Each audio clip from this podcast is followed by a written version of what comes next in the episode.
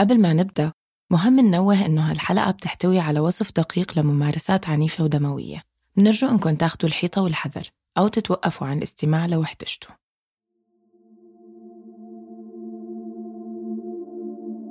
بتذكر أكثر من مرة جابوا معتقلين مصابين مع حرس من فرع الخطيب على المشفى طبعا اللي كنت بشتغل فيه. آه، هو كان مشفى مدني مو عسكري اسمه مشفى الهلال الأحمر وكان قريب كتير من فرع الخطيب. مرة بسنة 2008 جابوا رجالين ومرة تانية جابوا ست.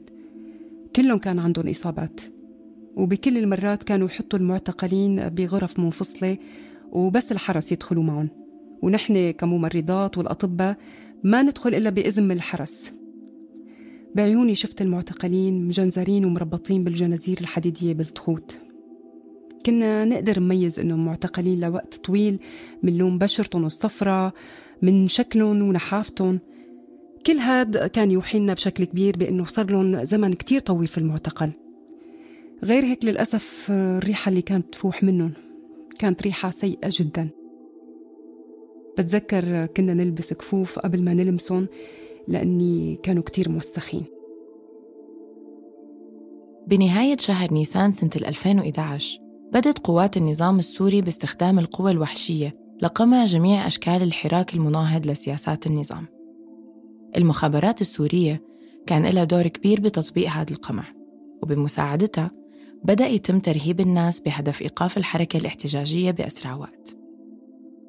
لما نقول مخابرات تحديداً ببلداننا بيكون صعب إنه تتشكل عنا صورة مفصلة عن شكل هالجهاز. بأغلب الوقت منشوفه ككيان واحد شي هيك عظيم وضخم آلة بطش وترهيب. من غير ما يكون في وضوح بالضرورة للتفاصيل اللي بتخلق هالتركيبة وبتساعدها إنها تحصل على قوتها وجبروتها. بس بالواقع ومن الداخل جهاز المخابرات جهاز متشعب ومعلب. بيحتوي بداخله على أشخاص مخبرين بيشتغلوا بالأساس بمهن متعددة. مهن من الخارج مو مرتبطة ولا بتوحي بمعنى أو مفهوم المخابرات. من خلال الفراغات اللي بيعبوها هالعمال والعاملات بأماكن مختلفة بصير عند الجهاز القدرة إنه يسيطر ويتحكم ويكون مطلع على كل شاردة وواردة بالمجتمع وبين الناس. والجهاز الطبي بسوريا يلي من المفترض يكون مقدم خدمة هو أحد أهم هالفراغات اللي استخدمتها واستغلتها أجهزة المخابرات السورية قبل الثورة وبالسنوات الأولى للثورة وليومنا هاد لتقمع المتظاهرات والمتظاهرين وتعذب وتشارك بقتل المعتقلات والمعتقلين. المشافي بسوريا يعني كان يتم التعامل معها كأنها ملك لأشخاص مو مشافي أو مرافق حكومية. يعني كان مثلا ينحجز طابق كامل لما يجي مسؤول أو قريب لمسؤول ليتعالج في المشفى. بتذكر كان يمنع استقبال أي حالات إضافية لأن الغرف بتكون مسكرة ومو جاهزة لاستقبال المرضى بسبب وجود المسؤول الفلاني أو قرايبينه.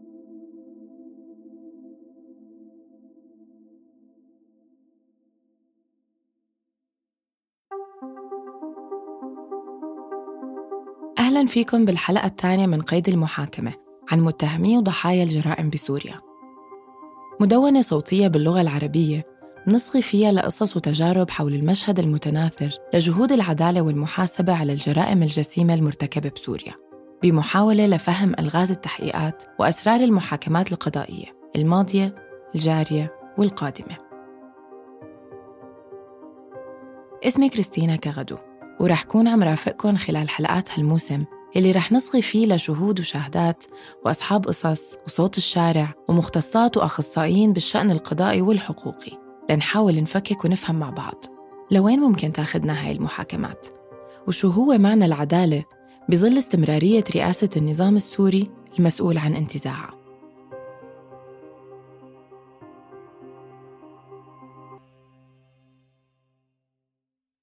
حلقتنا الماضية والأولى من هالبودكاست عرفنا شكل الموسم وشو رح نقدم لكم فيه. وابتداء من حلقة اليوم رح نبلش بالحديث بشكل مخصص وبكل حلقة عن قضية أو محاكمة جارية أو قيد الجلب وقصة مرتبطة فيها لتساعدنا نفهم أبعادها ونتائجها المحتملة. بنبدأ بالجهاز الطبي السوري واستخدامه الممنهج كآلة للتعذيب والمشاركة بالجرائم ضد الإنسانية تحديداً عبر الطواقم يلي بتشتغل فيه. اسمي منال. ممرضة سورية سابقة درست بمعهد التمريض واشتغلت كممرضة من لما تخرجت. بديت شغلي بمشفى الهلال الأحمر سنة 92 ضليت بنفس المكان لحد نهاية 2012 قبل ما أترك سوريا. طلعت منها بداية سنة 2013 بس ما رح أقدر أقول بأي بلد. منال هو الاسم المستعار لضيفة حلقتنا. يلي عم تسمعوه هو صوت مؤدية مو صوت منال نفسها. هاي كانت طلبات منال قبل ما توافق على إنها تشارك قصتها وتجربتها من داخل أحد المستشفيات السورية يلي شهدت على تعذيب المعتقلين والمعتقلات قبل وخلال الثورة. بسوريا في ثلاث وزارات بتدير قطاع الصحة وزارة الدفاع وزارة التعليم العالي والبحث العلمي ووزارة الصحة. مثلا وزارة الدفاع بدمشق بتدير مشفى تشرين العسكري ومشفى 601 ومستوصف الجوية ومستوصفات تانية بتعالج فيها العساكر وعائلاتهم. أما وزارة التعليم العالي فبتدير مثلا مشفى المواساة ومشفى الأطفال ومشفى التوليد الجامعي والأسد الجامعي. أما المشافي والمنشآت الطبية التانية فبتكون تابعة لوزارة الصحة مباشرة. إنك تكوني ممرضة أو ممرض خلال الثورة بسوريا أو قبلها هو شيء له أبعاد ومعاني أعمق وأعقد من مجرد ممارسة للمهنة. الطائفة والتوجهات السياسية تحديداً بيأثروا بشكل كبير ومفصلي على كيف بتتم ممارسة هالمهن منال اختبرت هالشي بذاتها وبمحيط عملها طول فترة عملها بالجهاز الطبي. السلك التمريضي بسوريا عموما بيشتغلوا فيه أبناء وبنات الطائفة العلوية بشكل تلقائي في كتير من المدافعين عن النظام بهذا السلك. سكوتي التام عن اللي يصير بسوريا لحد ما تركت شغلي وطلعت من سوريا الصراحة كان بسبب خوفي. ما كان ممكن أبدا أني أعبر عن مشاعري الحقيقية. كان الكل يدافع بمحيطي. بالوقت اللي كانت الأغلبية العظمى من الأطباء ساكتين وخايفين تماما. كتير أطباء كانوا عرضة للاعتقال والقتل بسبب شبهات تعاون مع المعارضين أو المتظاهرين. لما استلم حزب البعث السلطة بالستينات الوضع ما كان مختلف. بهداك الوقت كانت المناطق الريفية والبعيدة عن المدن الكبيرة مثل إدلب ودرعا مهملة طبياً تماماً. بالوقت يلي بالمدن الكبيرة كان في تركيز عالي على وجود عدد كبير من المرافق الطبية الحديثة. بوقتها حاول حزب البعث يغير هالوضع وبلش يضخ موارد لإنشاء مرافق طبية بالأماكن المهمشة والريفية وبلشت تظهر عيادات ومشافي بأماكن ما كان فيها هيك شي سابقاً. خلال هالتغيير تم العمل على توزيع مناصب إدارية عليا بالمؤسسات الصحية للبعثيين على وجه الخصوص ويلي أدى لتسييس القطاع الصحي بكامله. وبالتالي وكنتيجة حتمية انتشر الاستقطاب والتمييز ضد المهنيين الطبيين يلي مو معبرين بالضرورة عن ولائهم بشكل واضح وصريح داخل مجال الرعاية الصحية. المشفى اللي كنت أشتغل فيه ما كان فيه ولا طبيب علوي. وتدريجيا بشكل طبيعي وبطيء صار الفرز والانقسام بين الطاقم الطبي وطاقم التمريض. صاروا يقعدوا لحالهم بعيد عن الممرضات بسبب طبعا الخوف والقلق. السكوت كان سلاح كل طرف. حتى لو ما كان بالضرورة بيعرفوا إذا هي الممرضة أو هداك الممرض مع أو ضد. طبعا الطائفة أو الدين ما بيعتبروا بالضرورة شرط لتصنيف ولاء أو معارضة أفراد طاقم الطب أو طاقم التمريض بأي مستشفى. ولا حتى وسيلة لقراءة توجهات هالأشخاص السياسية بشكل قطعي. وأقرب مثال بين إيدينا بالوقت الحالي هو المحاكمة الجارية للطبيب علاء ميم. بمنتصف 2020 ألقت السلطات الألمانية القبض على الطبيب علاء ميم المتهم بتعذيب المعتقلين. ومع بداية سنة 2022 وتحديداً يوم 19 كانون الثاني بعد أيام قليلة من صدور الحكم بالحبس مدى الحياة لأنور رسلان بلشت محاكمة الطبيب علاء ميم. علاء ميم اشتغل كطبيب بسجن للمخابرات العسكرية بمدينة حمص سنة 2011 بالفترة من 23 تشرين الأول ل 16 تشرين الثاني من نفس السنة. خلال هالفترة وحسب لائحة الاتهامات الموجهة ضد الطبيب علاء والتقارير حول المحاكمة تعرض المعتقل ميم من مدينة حمص للتعذيب بسبب مشاركته بمظاهرة. خلال احتجازه تعرض لجلسة تعذيب. ومن بعدها صابته نوبة صرع يلي على أثرها طلب واحد من زملائه المعتقلين من الحراس إنهم يطلبوا له طبيب ليشوف حالته. الطبيب اللي حضر يومها كان المتهم علاء ميم. وحسب الادعاءات ضرب المعتقل المصاب بأنبوب بلاستيكي وضل يضربه ويرفسه على راسه لوقت ما طلع من المكان. تاني يوم فاق المعتقل وكانت صحته متدهورة. فطلب له واحد من المعتقلين رعاية طبية. ليرجع يجي الطبيب المتهم علاء ميم مع طبيب تاني وبدل ما يقدموا العلاج للمصاب بنوبة الصرع بلشوا يضربوه بأنبوب بلاستيكي لحتى بطل يقدر يمشي وأغمى عليه. بعد فترة قصيرة المعتقل مات.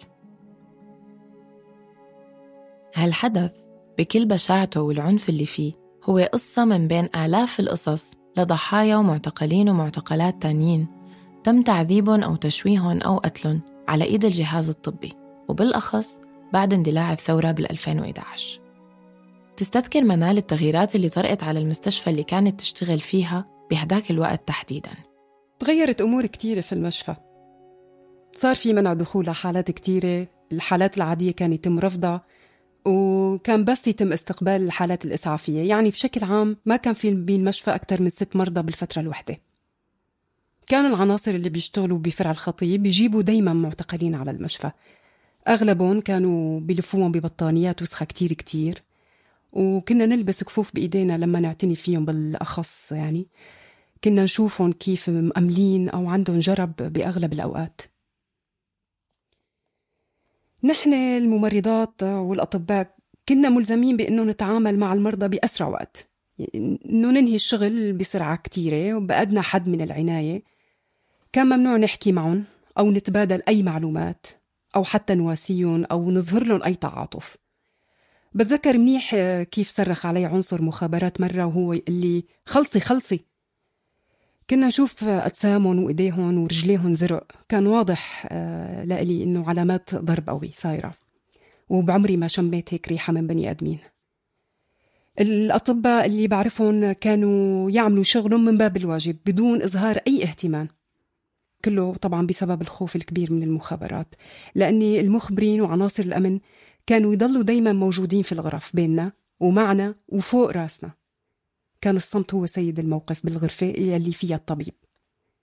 بعض الممرضات كانوا يقولوا اشياء مثل هذا الجحش جايبينه هذا العارصة وكانوا يرفضوا العناية ببعض المعتقلين. بشهر تموز سنة 2012 ولما كانت الثورة بأشد أيامها ومنال كانت بعدها على راس عملها. ازدادت شدة الخطورة بمناطق سيطرة النظام. تحديداً بعد ما قدم بشار الأسد قانون جديد وشامل لشي سماه مكافحة الإرهاب. علاج المتظاهرين صار يعتبر عمل إرهابي وبمناطق سيطرة المعارضة كمان تم توصيف التعامل مع المدنيين بالإرهاب. لما بلش يطبق هالقانون الخطر على الأطباء اللي كانوا بيرغبوا بالاستمرار بمعالجة المتظاهرين صار حقيقي ومدعوم. وفقا لمنظمة أطباء من أجل حقوق الإنسان غير الحكومية Physicians for Human Rights تم قتل وتصفية ما لا يقل عن 930 عامل وعاملة بالمجال الطبي بين سنة 2011 وال 2021 بالسنوات الأربعة الأولى من الثورة بالتحديد كانت المستشفيات والجهاز الطبي العامل فيها إما عم تتعرض للقصف والغارات الجوية أو عم يتعرض بعض الأطباء للاعتقال والتعذيب حتى الموت. بحلقة اليوم عم نركز على استخدام النظام السوري للطب كأداة للتعذيب والقتل. بس بحلقتنا الجاية رح نركز على استهداف النظام للمستشفيات والطاقم الطبي والتمريضي وأماكن تجمع المدنيين والمدنيات للعلاج أو لشراء حاجاتهم الأساسية وقوت يومهم.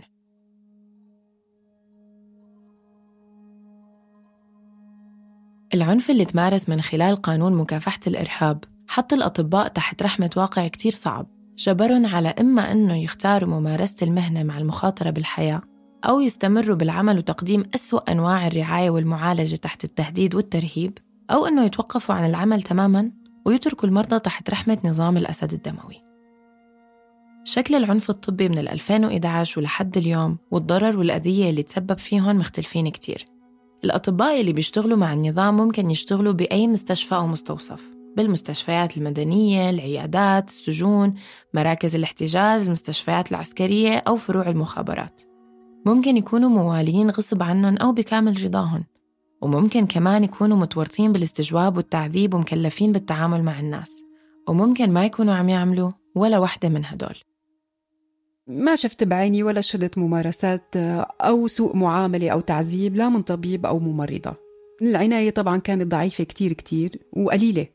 يعني المريض العادي اللي مو بمثل هيك وضع بيكون بيستحق عناية أكثر بكتير من اللي كان يتم تقديمه للمعتقلين والمعتقلات بالوقت اللي أنا كنت أشتغل فيه.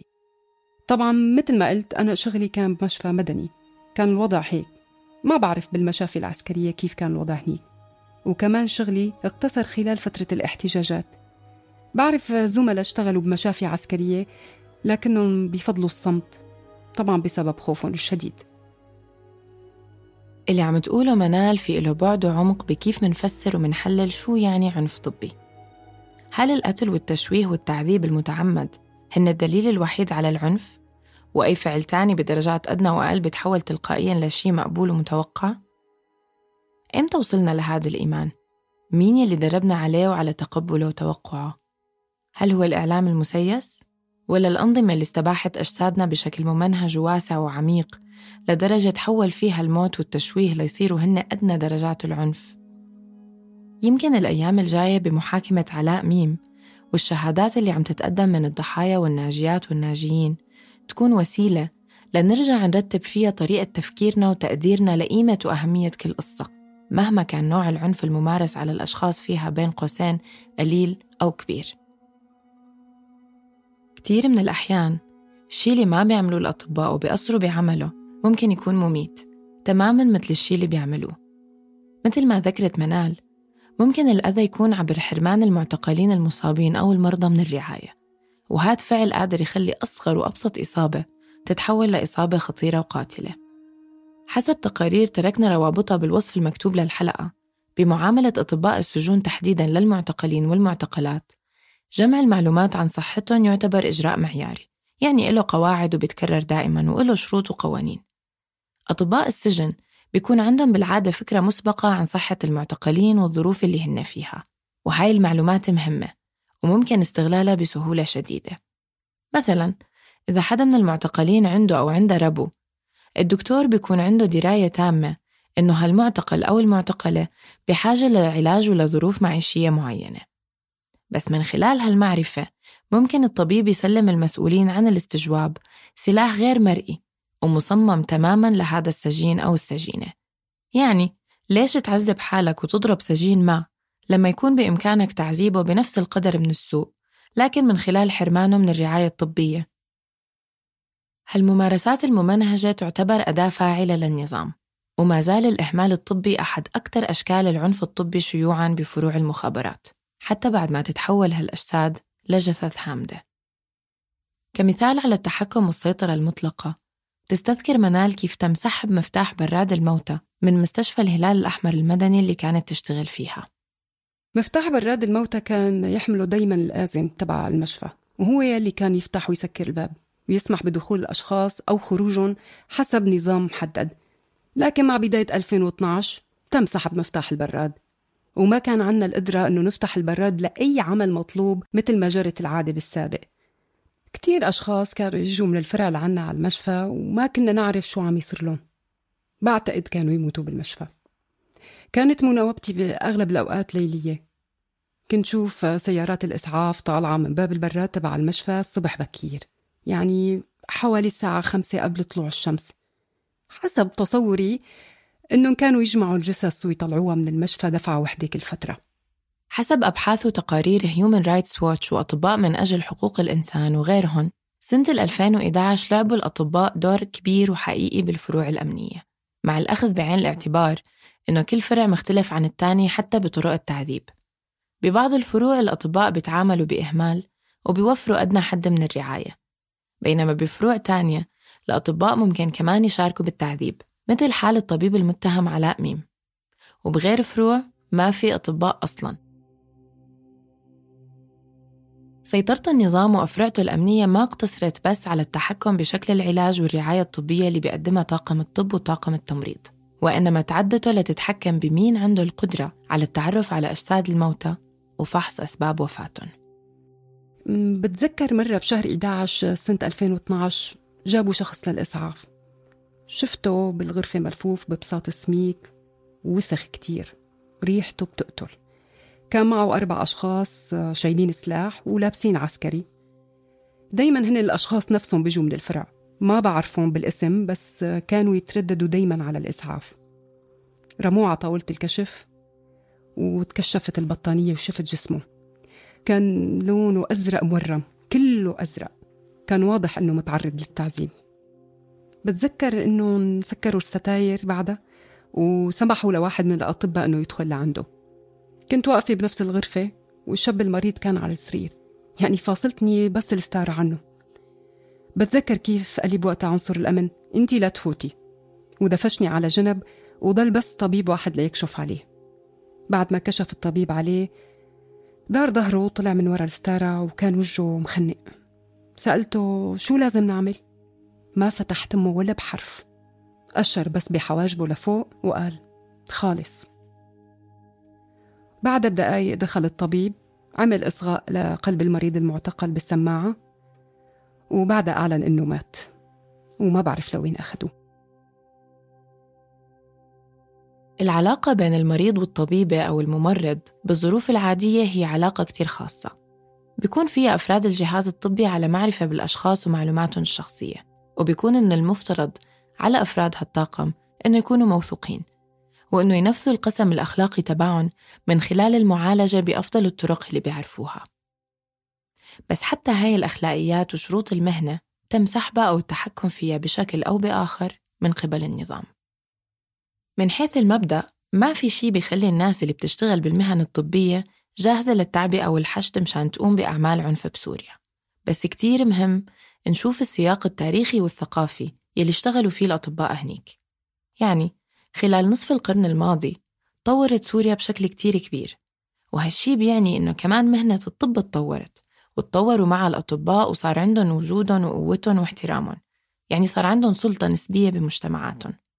النظام منتبه وواعي لهي السلطة يلي بالنسبة له شغلة كبيرة ومهمة كتير وبأي وقت ممكن يستخدمها أو يسيء استخدامها حسب توجهاته وأهدافه المختلفة. لهيك وبسنة 2011 يلي كانت لحظة البدء والنقطة الحاسمة لتظاهر الناس بكثافة. كان الوقت اللي اعتبر فيه النظام أي دعم طبي للجرحى من المتظاهرين هو شكل من أشكال دعمهم سياسياً. بهالحركة النظام كأنه حط رصاصة أو خازوق بنسيج المجتمع السوري. من خلال أخده لمهنة الطب والأطباء لمكان سياسي بعيد كتير عن الشي اللي مفروض إنهم يعملوه كجهاز طبي. هيك صار كتير صعب أو حتى مستحيل تقديم أي دعم طبي وإنساني للأشخاص الموجودين خارج نطاق سيطرة النظام. ومثل ما ذكرت منال حتى لما كان الطاقم الطبي عم يقدم الخدمة داخل مناطق السيطرة لكنها عم بتكون لمعتقلين ومعتقلات معارضين فهالخدمة كانت تتم تحت رقابة عناصر النظام وتحت شروطه. مثل مثلا مرافقة عناصر الأمن للمعتقلين بالمستشفى اللي اشتغلت فيها منال وتحكمهم بشكل العلاج المقدم لهم وبالرجوع لقصتها عن المعتقل اللي جابوه عناصر الفرع على مكان عملها. الطبيب اللي كشف على المعتقل يومها سألها إذا كانت قدرانة تتعرف عليه بس منال ما عرفته. وقتها ذكر الطبيب بأنه المعتقل اللي مات قبل لحظات كان زميلهم وكان بيشتغل باختصاص قلبية. بتتذكر منال إنه اسمه كان إياد وذكرت كمان إنه كان من مدينة السلمية وإنه اشتغل بنفس المشفى اللي اشتغلت فيها منال سنة 2010 تحديداً. وبعدها انتقل لمشفى المجتهد قبل ما يتم اعتقاله سنة 2011 منال عرفت وقتها عن طريق زملاء وأطباء أنه تم اعتقاله لكن ما حدا كان بيعرف مكانه بالضبط ولا إذا كان عايش أو ميت. لحتى شافته بالمستشفى ليلتها وجسمه مزرق وهامد على طاولة المعاينة عم يفارق الحياة. أنا طلعت من سوريا بداية سنة 2013 بعد ثلاثة أشهر من طلعتي شفت بوست على الفيسبوك بيسأل عن الطبيب اللي مات بالاسم وبيطلب من أي شخص بيعرف معلومات عنه إنه يتواصل معهم. عرفت إنه أهله كانوا عم دوروا عليه وإنه اندفعوا مصاري كتير لأشخاص مقابل معلومات عن ابنهم الطبيب إياد يلي بوقتها كان معتقد إنه صار له 13 شهر معتقل. وهيك عملت رسلت صاحب البوست وخبرته إنه الطبيب إياد مات.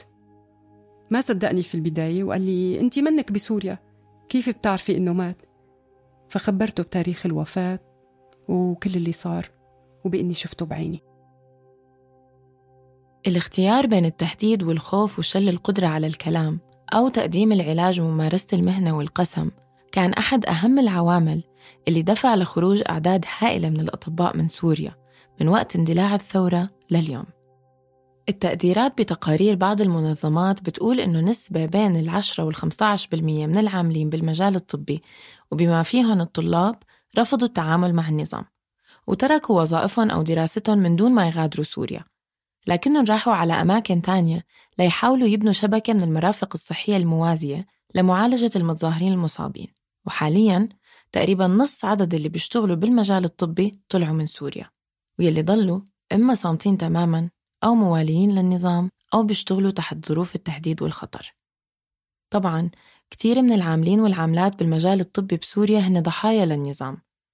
الأطباء والممرضين والمسعفين يلي ضلوا عم يشتغلوا رغم الهجمات والقصف الجوي يلي ما هدي عم يعملوا شي كتير مهم وأساسي لكن ضمن شروط وظروف كتير سيئة وصعبة. خروج منال من سوريا ما كان سهل عليها أبدا. بس بقائها على رأس عملها واستمرارها كشاهدة مثل مثل كتير من العاملات والعاملين بالجهاز الطبي. ما كان شي بتقدر إنها تتحمله أو تتحمل عواقبه وحادثة واحدة صارت معها خلتها تفكر بالرحيل. أه بليلة من ليالي نيسان سنة 2012 كان عندي مناوبة بالمشفى. بتذكر كنت لابسة بيجامة زرقاء فاتحة والجو كان دافي. أجا شخصين من الفرق قالوا للطبيب إنه بدهم الممرضة اللي مناوبة بالإسعاف اطلع علي الطبيب وقتها وسألني أنت مناوبة؟ وقال اسمي. طبعا كان بيعرف إني مناوبة ومع هيك سألني. قلت له إيه أنا الممرضة المناوبة اليوم. قال العسكري بدنا ياكي بالفرع ضروري. لحد هاللحظة بتذكر كيف كنت عم برجف. لبست تيابي ورحت معهم.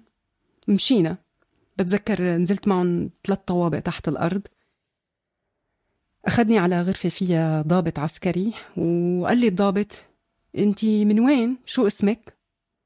جاوبته قلت له اسمي ومن وين بعدها سألني عن شخص بعرفه معرفة بعيدة بعدين قال الضابط في وحدة جحشة جوا ادخلي وفتشيها شوفي إذا معها شي كانت بالحمام دخلت على الحمام. طبعا الحمام كان وسخ كتير لأبعد الحدود. كان في بانيو والبانيو كمان وسخ لأبعد الحدود. وكان في ست واقفة بالحمام وخايفة كتير. كان شعرها مبلول ومجعد شوي. مستحيل أنسى شكلها. كانت لابسة بنطلون جينز وتيشيرت أبيض وبوت رياضة أبيض. كانت عم ترجف من الرعبة قلت لها لا تخافي أنا ما دخلني فيهم. الفرع جابوني بس مشان فتشك وما رح ألمسك بس بدي أسألك إذا معك شي. الست قالت لي اسمها وإنه صحفية وقالت إنه اعتقلوها لأني ساعدت العيال المتضررة اللي جاي من حمص. وإنه زوجها الدكتور جين صاد هو طبعا زميل سابق كنت أشتغل معه وإنه موجود بنفس الفرع اللي كنا فيه. كنا عم نهمس همس بصوت واطي كتير وبعد وقت قصير طلعوني بسرعة. رجعت بعدها على المشفى وبس خلصت مناوبتي رجعت على البيت. كنت مجروحة كتير كتير. قلبي عم ينزف حرفيا. ما قدرت خبر أي إنسان باللي صار. اضطريت أحبس دموعي بقوة وكنت عص على شفافي لساعات حتى قاوم إنه ما أبكي. وبوقتها قررت إني أترك البلد. وبلشت فكر كيف بدي سوي هالشي. بعد اللي شهدت عليه منال بين الصحفية والطبيب وكل الأشياء اللي صارت بعدين الوضع تعقد أكتر وأكتر والإهمال الطبي الممنهج استمر. ووقتها قدمت منال طلب إجازة بلا راتب لمدة سنة بس مدير المستشفى ما وافق لها عليها فقررت إنها تترك كل شيء وتطلع برات البلد. حسيت إني إذا ضليت رح أتعرض للاعتقال وكنت مخنوقة ومتضايقة كتير إني عم شوف كل شيء وما عم بقدر أحكي. كنت فرحانة لما شفت الناس في المظاهرات عم تطالب بالحرية والقيم اللي بحبها وبتمنى إني أعيشها. بس ما كنت راضية أبدا عن التسلح وما كنت حابة تتجه الأمور للعنف المسلح في البلد. ما قدرت أعبر عن رأيي وجزء من عيلتي قاطعوني لمجرد إبداء آراء بسيطة بأحاديث صغيرة أو لمجرد أني تابع قنوات إخبارية معادية للنظام السوري. كانوا يقولوا عني علاكة. لو سكتت كنت رح موت من قهري ولو حكيت كنت متت بسبب كلامي وصدقي. فقررت أني أطلع. أنا لو بنطلب عندي استعداد إني أشهد بالمحاكم الدولية. ما بعرف غني ولا بعرف أكتب شعر أو مقال ولا بقدر إني أخدم بلادي مثل ما بحب. أنا فقط هاربة من الظلم اللي شفته بعيني. بس أنا خبرت منظمة الأمم المتحدة بكل شي شفته وشدت عليه بالتفصيل من لما أجريت مقابلة اللجوء. ما لاحظت إنهم فعلا اهتموا باللي قلته وما حدا راجعني بالشهادة تبعي لحد اللحظة. سمعوا كلامي للأخير وبس. بحب وعندي الرغبة بإني أتواصل مع جهة قانونية أو قضائية بخصوص اللي عشته وشفته. لكن ما عرفت كيف ممكن أتواصل مع مين وكيف. لكن عندي استعداد لهالشي. بتابع عمر الشغري وبحبه كتير. أثر فيني كتير لما سأل عمر عنصر الأمن ليش عم تدعس على رأس المعتقل؟ فرد عليه رجل الأمن وقال له إذا ما دعست على رأس المعتقل رح يدعسوا على رأسي. أنا رفضت يدعس حدا على راسي ورفضت إني أدعس على راس حدا. لهيك تركت المدينة اللي تربيت فيها واللي بحبها للأبد.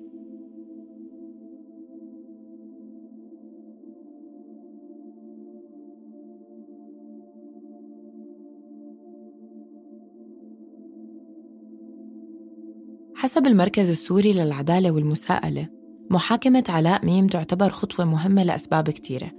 أولا إنه ألمانيا عم تواصل مساءلة الجناة من جميع أطراف النزاع وهالشي بيرسل إشارة مشجعة للدول الثانية اللي عم تحقق حاليا بالجرائم اللي ارتكبتها الحكومة السورية.